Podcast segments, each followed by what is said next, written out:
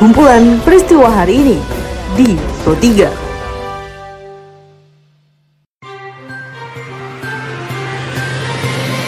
Halo pendengar, selamat berjumpa kembali di podcast Pro 3 RRI dengan kumpulan peristiwa yang terjadi pada hari ini.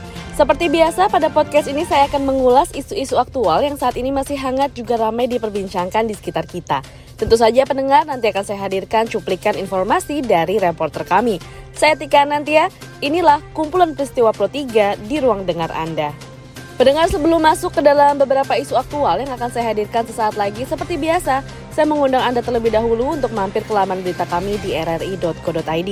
Anda juga bisa follow sosial media kami dan berkomentar langsung di Instagram, Twitter, juga Facebook kami dengan mengetik at RRI Programa 3 di kolom pencarian Anda. Pendengar kami awali informasi dari Ketua Umum PDI Perjuangan Megawati Soekarno Putri yang membuat kontroversi dengan menyebut kondisi DKI Jakarta saat ini amburadul. Dikabarkan reporter Septiana Devi, pernyataan Megawati itu mendapat beragam respons. Jadi tidak ada kinerja-kinerja yang hanya duduk membuat pernyataan-pernyataan konferensi pers kerjanya ini konferensi pers itu nggak lebih dari itu. Kita lihat soal kemacetan, amburadul di Jakarta, Anda kalau lihat itu pasar induk, itu memalukan di mana gubernurnya. Belum lagi banjir, belum lagi eh udah aduh bukan amburadul sih kalau ada kata-kata di atas tingkat uh, di atas amburadul itu di atas amburadul ya pernyataan saya sih Pak Anies bekerja konkret jangan menyiapkan anggaran-anggaran yang akhirnya hanya merugikan rakyat karena semua anggaran di DKI itu hasil dari pajak warga DKI bekerjalah untuk masyarakat DKI, jangan sibuk dengan konferensi pers, jangan sibuk bermain politik, bangun Jakarta ini biar Anda meninggalkan legasi yang baik. Pemerintah terus mempercepat pengembangan vaksin merah putih sebagai bentuk kemajuan dan kemandirian bangsa dalam penanggulangan pandemi COVID-19, termasuk menurunkan angka kematian serta mempercepat pemulihan ekonomi secara nasional.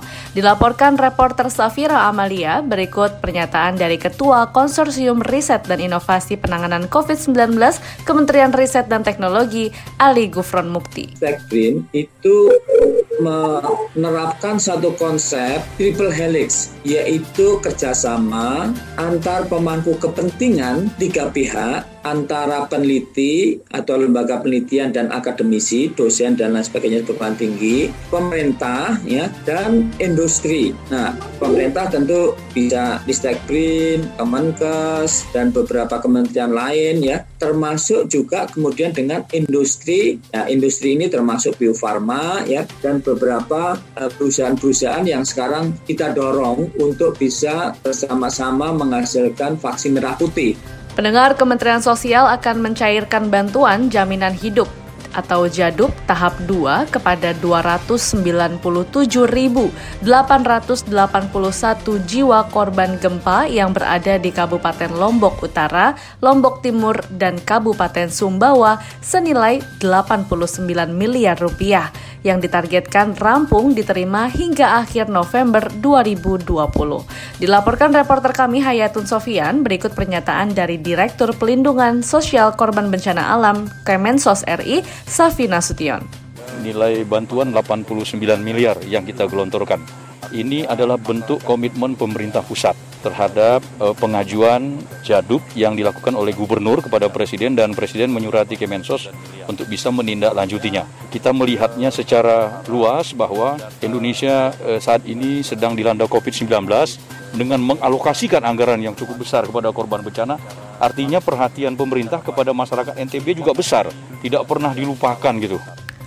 Kita beralih ke informasi lainnya, pendengar Komisi Pemberantasan Korupsi KPK mengaku telah diabaikan oleh Kejaksaan Agung dan Bareskrim Polri ketika mereka meminta dokumen-dokumen terkait kasus Joko Sugiarto Chandra untuk melakukan supervisi dalam kasus Joko Sugiarto Chandra. Diliput reporter Khairul Umam, berikut pernyataan dari Wakil Ketua KPK Nawawi Pungmulango. Jadi uh, perkara mengenai uh, Joko Chandra ini, ini kan sudah diver, ditetapkan disupervisi oleh KPK baik yang di Baris Krim maupun yang di Kejaksaan Agung gitu. Dan kita sudah pernah melakukan gelar uh, bersama gitu. Karenanya KPK pada tanggal 22 September 2020 dan kemudian pada tanggal 8 Oktober 2020 telah mengirimkan surat permintaan salinan berkas perkara dan berita acara pemeriksaan terhadap perkara tersebut baik yang di Baris Krim dan di Kejaksaan Agung. Tapi hingga saat ini memang um, belum ada uh, KPK belum memperoleh dokumen yang dimintakan KPK tersebut. Di sisi lain, KPK sedang melakukan kajian terhadap dokumen-dokumen yang diserahkan oleh masyarakat.